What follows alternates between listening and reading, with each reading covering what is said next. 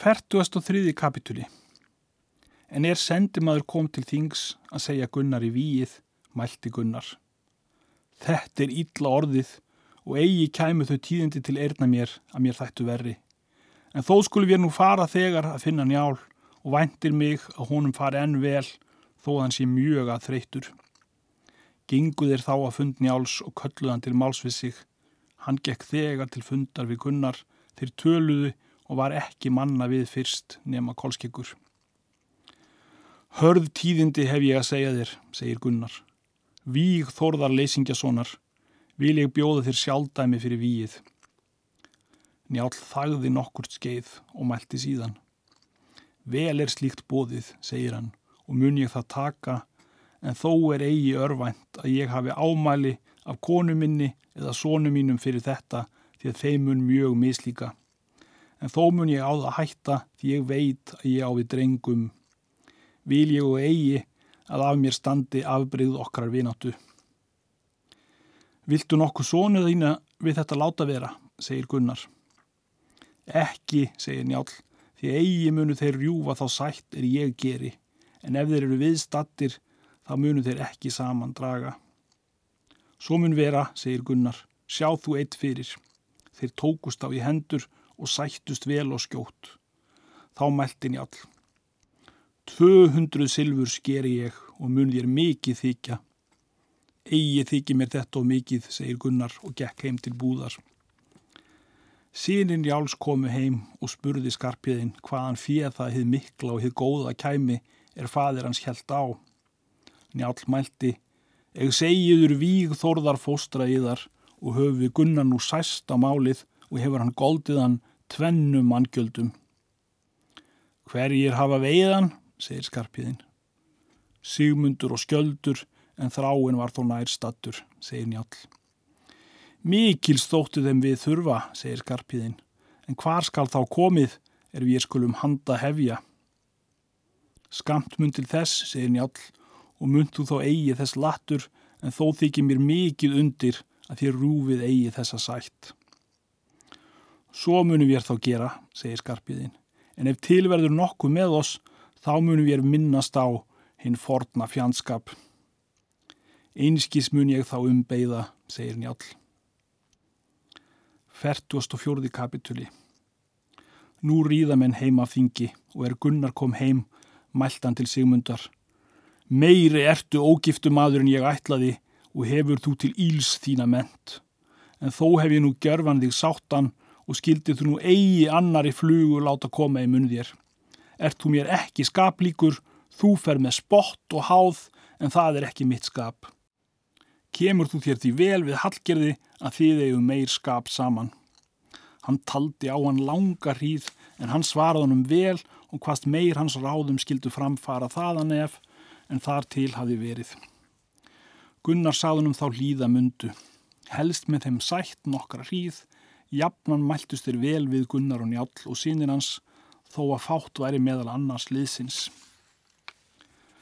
Sá atbyrður varð að farandkonur komu til líðarenda frá Bergþórskóli. Þær voru málgar og heldur orð illar. Hallgerður átti dingju og satum þar oftlega í, þar var þá Þorgerður dóttirinnar og þráinn. Þar var og Sigmundur og fjöldi kvenna.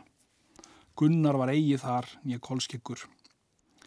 Farandkonur þessar gengin í dingjuna. Hallgerður heilsaði þeim og let gefa þeim rúm og spurða tíðendum en þær kváðust enginn segja. Hallgerður spurði hvar þar hefðu verið um nóttina. Þær sögðust verið hafa að bergþórskóli. Hvað hafði snjállað, segir hún. Stritaðist hann við að sitja, sögðu þeir. Hvað gerðu sínun Jáls, sagði hún. Þeir þykjast nú helst menn. Miklir eru þeir að vallar sín en óreindir eru þeir mjög, sagðu þær. Skarpiðin hatti öksi, grímur skefti spjót, helgin höfð hjalt á sverð, höskuldu treysti mundriða í skildi. Til stórraða nokkura munu þeir ætla, segir Hallgerður. Egi vitt við það, sögðu þær. Hvað gerðu húskallarni áls, segir Hallgerður. Egi vissu við hvað sumir gerðu, segja þær, en einn óg skarni á hóla. Hví myndi það sæta, segir Hallgerður. Það saði hann, hvað það er, að það er í taða betri en annar staðar. Mísvitur en jál, segir Hallgerður, þar er hann kann til hversvetna ráð. Hvað er í því, sögðu þær. Það mun ég til finna sem satt er, segir Hallgerður. Er hann ógei í skegg sér að hann væri sem aðrir karlmenn og köllum hann nú Karl hins skegglausa en sonu hans taðskeglinga og hveð þú um nokkuð sigmundur og lát oss njóta þess er þú ert skáld. Hann hveðst þess vera albúin og hvað þegar vísur þrjár eða fjórar og voru allar íllar. Gers sem ertu, sagði Hallgerður, hversu þú ert mér eftirlátur. Þá kom Gunnar aði því hann aði staðið fyrir framann dingjuna og heyrt öll orðtækin. Öllum bráfið mjög er hann sá einn ganga, þögnuð þá allir en áður hafið þar verið hlátur mikill. Gunnar var reyður mjög og mælti til Sigmundar. Heimskur ertu og óráð hollur er þú vilt hrópa sónun jáls og sjálfanan er þó er mest verðt og slíkt sem þú hefur þeim áður gjört og mun þetta vera þinn bani. En ef nokkur maður hermir þessi orð, þá skal sá í brautu verða og hafa þó reyði mína. En svo stóð þeim af honum mikil ógn að engi þorði þessi orð að herma síðan gekkan í braut. Farand konurnar töluði sín í meðal að þær myndi hafa laun af bergþóru ef þær sægðu henni orð þessi. Þær fóru síðan ofanþangað og sögðu bergþóru á laun ófreyið. Bergþóra mælti er menn sátu við borðum. Gjafir eru í þar gefnar feðkum og verði þér litlir drengir af nema þér launið. Hvernig eru gjafir þær, segir skarpiðinn. Þér sínir mínir eiguð allir eina gjöf saman. Þér eru kallaðir taðskeglingar en bóndi minn Karl hins gegglausi. Ekki höf ég kvennaskap, segir skarpiðinn að við reyðumstu öllu. Reyttist Gunnar þó fyrir yðra hönd, segir hún, og þykir hann skapgóður og ef ég rekið eigi þessa réttar þá munir þér engrar skammar reka. Gaman þykir kerlingunni að móðurvorri, segir skarpiðinn og glotti við, en þó spratt honum sviti í enni og komu rauðir flekkir í kinnarónum en því var ekki vant. Grímur var hljóður og beit á vörunni, Helga brá ekki við. Hauskuldur gekk fram með Bergþóru, hún kom innar í annað sinn og geysaði mjög. Njálm mælti, kemst þú að seint fari húsfreyja og fer svo um morg mál þó að menn hafi skapruna af að jafnan orkar tvímælis þó að hemt sé. En um kveldið, en Njálm var komin í rekju, heyrði hann að öks kom við þylið og söngi mjög en lokrekja var önnur og hengu þar á skildir og sér hann að þeir eru í brautu. Hann mælti, hver hefur tekið á hann að sköldu vora? Sýnir þínir gengu út með, segi Bergþóra. Njál kifti skóma fætur sér og gekk út þegar og öðrum megin húsins og sér að þeir stefna upp á hólinn. Hann mælti, hvert skal fara skarpiðinn? Leita sögðaðina, segir hann. Njál mælti, Ekki myndu þér þá vera vopnaðir ef þér ætluðu það og mun annað vera erindið. Laksa skulu við veiða fadir ef við rötum eigi sögðina, segir hann. Vel væri það, þó að svo væri að þá veiði bæra í undan, segir Njál. Þeir fóru leið sína en Njál gekk inn til fílu sinnar. Hann mælti til Bergþóru. Úti voru sínir þínir með vopnum allir og mun þú nú hafa ekkjað á til nokkurs. Allvel skal ég þakka þeim ef þeir segja mér víg sígmundar, segir Bergþóra. 40. kapituli Nú er að segja frá Njálssonum að þeir fóru upp til fljótslíðar og voru um nóttina við hlýðina og fóru nær hlýðarenda en morgna tók. Þennan morgun hinn sama stóðu þeir sigmundur upp á skjöldur og ætluði að fara til stóðrossa. Þeir höfðu beistl með sér og tóku rossi í túni og riðu í braud. Þeir leita stóðhessins um hlýðina og fundu hann með að lækja tveggja og leittu rossin ofan af götu mjög. Skarpiðin sá þá því að Sigmundur var í litklæðum. Skarpiðin mælti, sjáuði rauðálfin. Þeir litu til og hvaðu sjá hann. Skarpiðin mælti, þú skalt gera það ekki höskuldur því að þú munt oft sendur einn óvarlega, en ég ætla mér sigmund, þykir mér það karlmannlegt, en þeir grímur og helgi skulu vegað skildi. Höskuldur settist niður en þeir gengu þar til eða þeir komu að þeim. Skarpiðin mælti til Sigmundar. Takk vopp þín og verðig, er þér það meiri nöðsin en hveða flým um oss. Sigmundur tók vopp sín en Skarpiðin beigð með hann. Sköldur snýri í mótið þeim grímu og helga og börðust þeir í ákafa. Sigmundur hafði hjálm á höfði og skjöld og girður sverði og spjóti hendi. Snýr nú í móti skarpiðinni og leggur þegar spjótinu til hans og kom í skjöldin. Skarpiðin löst í sundur spjótskafti með öksinni og færir upp öksina og heggur til Sigmundar og kom í skjöldin og klauf ofan öðru megin mundriða. Sigmundur brá sverðinu henni hægri hendi og heggur til skarpiðins og kom í skjöldin og festi sverði í skildinum. Skarpiðin snaraði svo fast skjöldin að Sigmundur létt laust sverðið. Skarpiðin höggur þá til Sigmundar með auksinni. Sigmundur var í pansara, auksin kom á aukslina, hann klauf ofan herðablaðið og nikkir að sér auksinni og fjall Sigmundur á nýjabæði og spratt upp þegar. Lautstu mér nú, segir Skarpiðin, en þó skaltu í móðurætt falla áður við skiljum. Það er ítla þá, segir Sigmundur. Skarpiðin lust á hjálmin og hjóan síðan bana högg. Grímur hjó á fótin skildi og tók af í ristarliðnum, en Helgi lagði sverði gegnum hann og hafði hann þá bana. Skarpiðin sá smalamann hallgerðar, þá hafði hann högg við höfuðið af Sigmundi. Hann seldi smalamann í hendur höfuðið og bað hann færa hallgerði og hvað hann að kenna mundu hvort að höfuð hefði kveði nýðum þá. Smalamadur kastaði niður höfðinu þegar þeir skildu því hann þorði eigi meðan þeir voru við. Þeir bræður fóru þar til er þeir fundu menniðri við markarfljót og sögðu þeim tíðindin. Lýsti skarpiðin víi sigmundar á hendur sér en þeir grímur og helgi víi skjaldar. Fóru þeir þá heim og sögðu njáli tíðindin.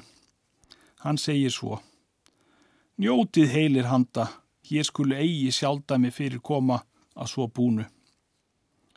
Nú er þar til máls að taka að smalamadur kemur heim til íðarenda. Hann segir hallgerði tíðindin.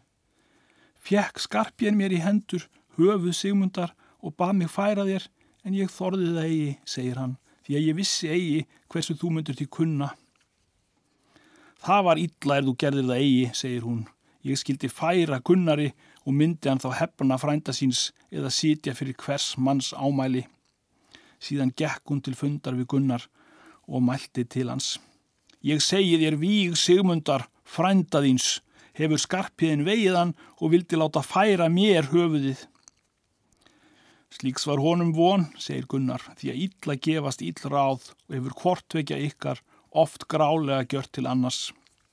Gekk þá Gunnar í braut, hann létt ekki búa til viksmálið og engan hlut að hafa. Hallgjörður myndi ofta á og sagði Sigmund vera óbættan. Gunnar gaf ekki gaumað áegjan hennar. Nú liðu þrjú þing þau er menn ætluðu að hann myndi sækja málið. Þá kom eitt vandamála hendi Gunnari, það er hann vissi eigi hversu uppskildi taka, reyðan þá til fundarvin í ál.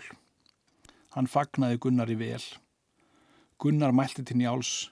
Hilræðið með komin að sækja þér um eitt vandamál. Maglegur ert þú þeirra, segir Njál og réð honum ráðin. Gunnar stóð þá upp og þakkað honum. Njál mælti þá og tók til Gunnars. Ærið lengi hefur Sigmundur frændiðinn óbættur verið. Fyrir laungu var hann bættur, segir Gunnar, en þó vil ég eigi drepa hendi við sóma mínum. Gunnar hafði aldrei ílt mælt til Njálssona. Njátt vildi ekki annað en Gunnar gerðu málið. Hann gerði 200 silfurs en létt skjöld vera ógildan. Þeir greittu þegar allt fíð. Gunnar sagði sættira upp á þingskálaþingi þá er þar var mest fjölmenni og tjáði hversu vel þeim hefði farið og sagði um orðuhinn illu er Sigmundur dróð til höfuðspana Þau skildi engi uppi hafa síðan eða vera ógildur, sá er mælti. Þeir mæltu það báðir, Gunnar og Njál, að engi hlutir skildu þeir til verða að eigi semdi þeir með sér sjálfur. Emdu þeir það og vel síðan og voru jafnan vinir. 47. kapituli Gissur hétt maður, hann var Teitsson Ketilbjarnarssonar hins gamla frá Mósfelli. Móður Gissurar hétt Ólöf og var dóttir Böðvars Hersis Vikingakárassonar. Hans són var Ísleifur biskup. Móður Teits hétt Helga og var dóttir Þórðar Skeggja, Rapssonar, Bjarnarssonar bunu. Gissur hvíti bjóðað Mósfelli og var höfðingi mikill. Sá maður nefndu til sögunar er Geir hétt, hann var kallaður Geir Góði. Móður hans hétt Þorkalla og var dóttir Ketilbjarnar hins gamla frá Mósfelli. Geir bjó í hlýð þegar Gissur fyldust að hverju máli. Í þennan tíma bjó mörður Valgarsson að hofi á rángarvöllum. Hann var slægur og ílgjarn. Þá var Valgarður utan fadir hans en móður hans önduð. Hann öfundaði mjög gunnar frá hlýðarenda. Hann var vell auðugur að fjö. 47. kapituli Ótkell hétt maður, hann var Skarfsson Hallkelssonar, sá barðist við grím í Grímsnesi og feldan á holmi. Þeir voru bræður Hallkell og Ketilbjörn hinn gamli. Ótkell bjó í kirkjubæ. Þorgerður hétt kona hans, hún var mástóttir Bröndolfssonar Nattaðarssonar hins færiska. Ótkell var auðugur að fjö, sonur hans hétt Þorger, hann var á ungum aldri og gerfilegur maður. Skamkell hétt maður, hann bjó að hofi öðru, hann átti vel fjö. Hann var ílgjarn og líin, ódæll og íllur viðuregnar. Hann var vinur Ottkells. Hallkell hétt bróðir Ottkells, hann var mikill maður og sterkur og var þar með Ottkalli. Bróðir þeirra hétt Hallbjörn Hvíti. Hann flutti út þrælein en Melkolfur hétt, hann var írskur og heldur óvinnsæl. Hallbjörn fór til vistar með ottkalli og svo melkólfur. Þrællin mælti það jafnan að hann þætti sæl ef ótkjell ættan. Ótkjell var vel til hans og gaf honum nýf og belti og alklæðnað en þrællin vann allt það er en vildi. Ótkjell falaði þrælin af bróður sínum, hann hvaðs myndu gefa honum þrælin en hvað þó verra gripi í en hann ætlaði. En þegar er Ótkjell átti þrælin þá vann hann allt verð Ótkell rætti oft um fyrir Hallbjörni hvita og honum þótti þrættin lítið vinna. Hann segir honum þó annað verð gefið. Í þann tíma kom Hallari mikið svo að menn skorti bæði hei og mat og gekk það um allar sveitir. Gunnar miðlaði mörgu manni hei og mat og höfðu allir þeirri þanga komu meðan til var. Svo kom að Gunnar skorti bæði hei og mat. Þá kvatti Gunnar Kolskjegg til ferðar með sér og Þráinn Sigfússon og Lamba Sigurðarsson. Þeir fóru í kirkjubæ og kölluðu ótkjel út. Hann hilsaði þeim. Gunnar tók vel hverju hans. Svo er háttað, segir Gunnar, að ég hef komin að fala þér hei og mat ef til væri. Hvort vekjar til, segir ótkjell, en hvorki vil ég selja. Viltu gefa mér þá, segir Gunnar, og hætta til hverju ég launa þér. Egi vil ég það, segir Ótkell. Skamkell var tillaga íllur. Þráinn Sigfússon mælti. Þess væri verðt að við tækjum og legðum verð í staðin. Aldauða eru mósfellingar þá, segir Skamkell, ef þér Sigfúsinir skulu þá ræna. Með engi rán vil ég fara, segir Gunnar. Viltu kaupa þræla mér, segir Ótkell. Það spar ég eigi, segir Gunnar. Síðan kefti Gunnar þrælinn og fór í braut við svo búið. Þetta spurði njál og mælti. Íll er slíkt gjört að varna gunnar í kaups, mun þar eigi öðrum góð svon er slíki skulu eigi fá. Hvað þarf þú margt um slíkt að tala, segir Bergþóra, og er miklu drengilegra að miðlunum bæði mat og hei er þig skortir kvorki til. Njál mælti, þetta er dags sanna og skal ég byrgjana nokkru. Fór hann þá upp í Þórulsfell og sínir hans og bundu þar hei á 15 hesta en á 5 hestum höfðu þeir mat. Njál kom til hlýðarenda og kallaði Gunnar út. Gunnar fagnaði þeim vel. Njál mælti, hér er hei og matur er ég vil gefa þér. Vil ég að þú leitir aldrei annar en mín ef þú þart nokkur svið. Góðar eru gafir þínar, segir Gunnar, en meira þykir mér verðt, vinn fengi þitt og svona þinna. Fór njall heim síðan, líður nú vorið. 48. kapituli Gunnar rýður til þingsum sumarið en að hans gisti fjölmenni mikið austan af síðu og bauð hann að þeir gisti þar er þeir riða af þingi, þeir kváðu svo gera myndu ríðan út til þings. Njál var á þingi og sinir hans, þingið er kyrt. Nú er þar til að taka að Hallgerður að hlýðarenda kemur á máli við Melkól þræl. Sendi för hef ég þér hugað, segir hún. Þú skalt fara í kirkjubæ. Hvað skal ég þangað, segir hann. Þú skalt stela þannan mat á tvo hesta og hafa smjör og ost en þú skalt leggja eld í útibúrið og munu allir ætla að að vangeimslu hafi orðið en engi mun ætla að stólið hafi verið. Þrællin meldi, vondur hef ég verið en þó hef ég aldrei þjófur verið. Heyr endemi, segir hún, þú gerir þig góðan þar sem þú hefur verið bæði þjófur og morðingi og skalt þú eigi þóra annað en fara Ella skal ég láta drepa þig. Hann þóttist vita að hún myndi svo gera ef hann færi eigi, tók hann um nóttina tvo hesta og lagði á lénur og fór í kirkjubæ. Hundurinn gó eigi að honum og kendi hann og hljópi móti honum og létt vel við hann. Síðan fór hann til útibúrs og laug upp og klifjaði það hann tvo hesta af mat en brendi búrið og drap hundin.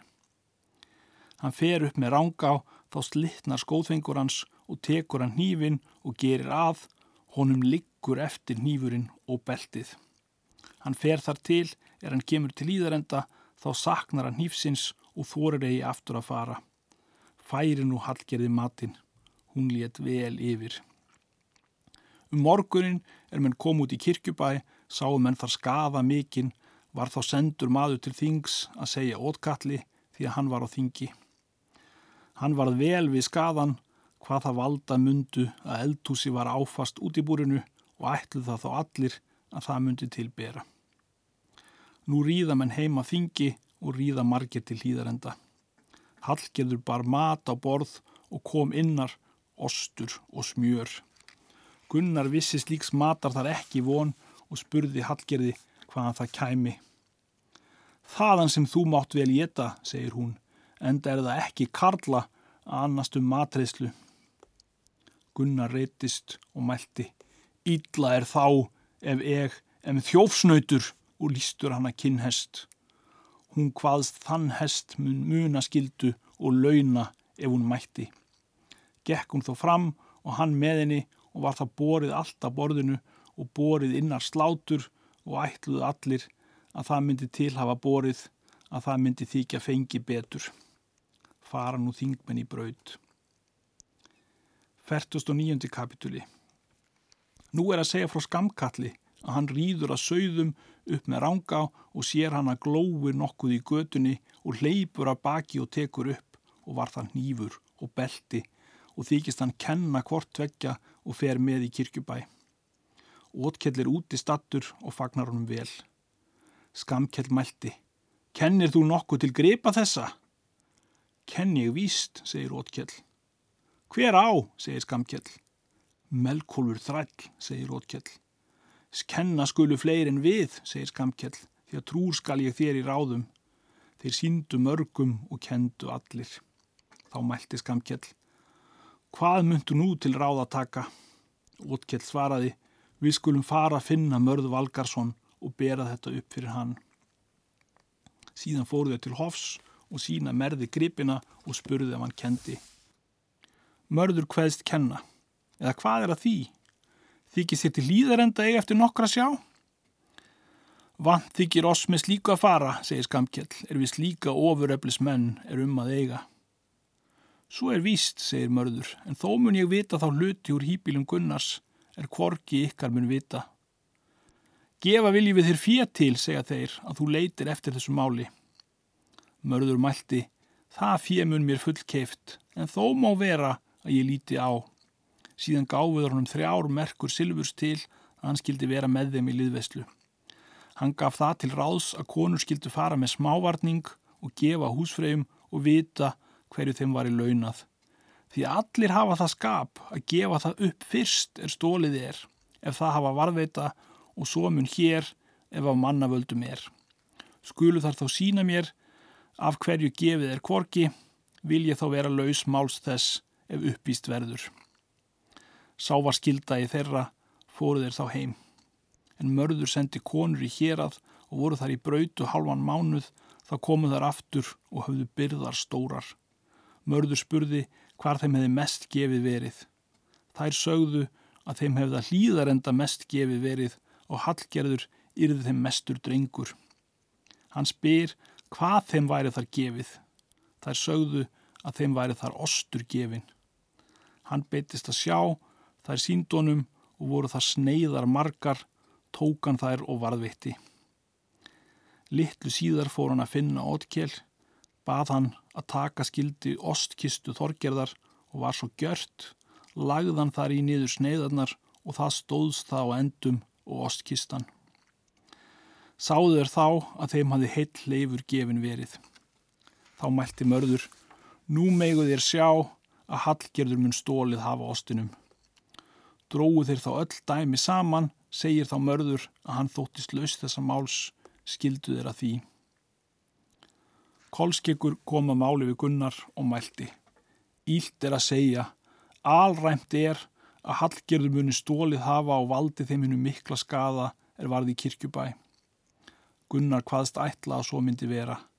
Eða hvað er nú til ráðs? Kolskeggur mælti, þú myndi ekki að skildastu til að bæta fyrir konu þína og þykir mér ráð að þú farar að finna ótkjell og bjóður honum góð bóð. Þetta er velmælt, segir Gunnar, og skal svo vera. Littlu síðar sendi Gunnar eftir þráni Sigfúsinni og Lamba Sigurðarsinni og komuð er þegar. Gunnar sagði þeim hvert hann ætlaði. Þeir létu vel yfir því. Þeir ríða tólf saman og komi í kirkjubæ og kalla út ótkjell. Þar var skamkjell og mælti. Ég skal útganga með þér og mun nú betra að hafa vitsmunni við. Myndi ég það vilja að standa þér þá næst er þú þyrtir mest sem nú mun vera. Þykir mér það ráð að þú látir drjúlega. Síðan gengu þeir út ótkjell og skamkjell, hallkjell og hallbjörn. Þeir heilsuðu Gunnari, hann tók því vel. Ótkjell spyr hvert hann ætlaði að fara. Ekki lengri en hingað, segir Gunnar og er það erindi mitt að segja þér um skað hann mikla og einn ítla er hér er orðin að hann er að völdum konu minnar og þræls þess er ég keifta þér. Slíks var von, segir Hallbjörn. Gunnar mælti, hér vil ég bjóða fyrir góð bóð og bjóða að hennir bestu menn skipi um í hér aðinu.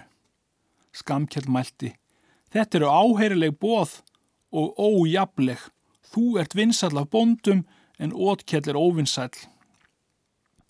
Bjóða mun ég, segi Gunnar, að gera um sjálfur og lúka upp þegar og leggja á vináttu mína og greiða nú allt fjöð og mun ég bæta þér tvennum bótum. Skamkjell mælti, þennan skall þú eigi þykja og er það grunnúðlegt að þú ætlar að selja um sjálfdæmi þar er þú ættir að taka. Ótkjell mælti, eigi vil ég selja þér sjálfdæmi Gunnar. Gunnar mælti, skil ég hér tillögur manna nærger launað verður, en það dæmðu nú sjálfur. Ótkjell laud að skamkalli og mælti. Hverju skal ég nú svara? Skamkjell mælti. Þetta skal þú kalla velbóðið en víkja máliðinu undir gissur hvita og geir goða munum það þá margir mæla að þú sért líkur hallkalli föður föður þínum er mestur kappi hefur verið. Ótkjell mælti. Vel er þetta bóði Gunnar en þó vil ég að þú ljái mér tómstundar til að finna gissur hvita og geir goða. Gunnar mælti, far þú nú með sem þú vilt, en það munu sumir menn mæla að þú kunnir eigi að sjá sómaðinn ef þú vilt eigi þessa kosti er ég hefi bóðið þér. Rýður Gunnar heim. En er hann var í brautu tók Hallbjörn til máls. Hér veit ég mestan mannamun, Gunnar bauðir góð bóð en þú vildir engi af taka eða hvað myndu mega ætla þér að deila við Gunnar íldeilum þar sem engi er hans maki en þó er hann svo vel að sér að hann mun láta standa bóð þessi þó að þú þykir síðar. Þykir mér ráð að þú farir að finna gissur hvita og geir goða nú þegar. Ótkell létt taka hest sinn og bjóð sig að öllu. Ótkell var ekki glöggskign. Skamkell gekk á leið með Ótkalli. Hann rætti við Ótkell. Undur þótti mér er bróðin vildi að ég taka þér þetta starf.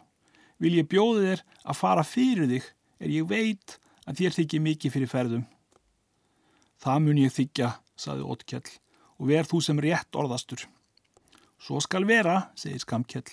Tók hann þá við hesti hans og klæðum en Ótkell gengur heim. Hallbjörn var úti og mælti til Ótkells. Ílt er að eiga þræl að enga vinn og munum ég er þess að jafnan yðrast er þú hefur aftur horfið og er það óviturlegt bragð að senda hinn lignasta mann þess erindis er svo mun meg að kalla að lífmanna liggi við. Hrættur myndir þú verða, segir Ótkell. Ef Gunnar hefða á lofti atgerinn er þú ert svo enn.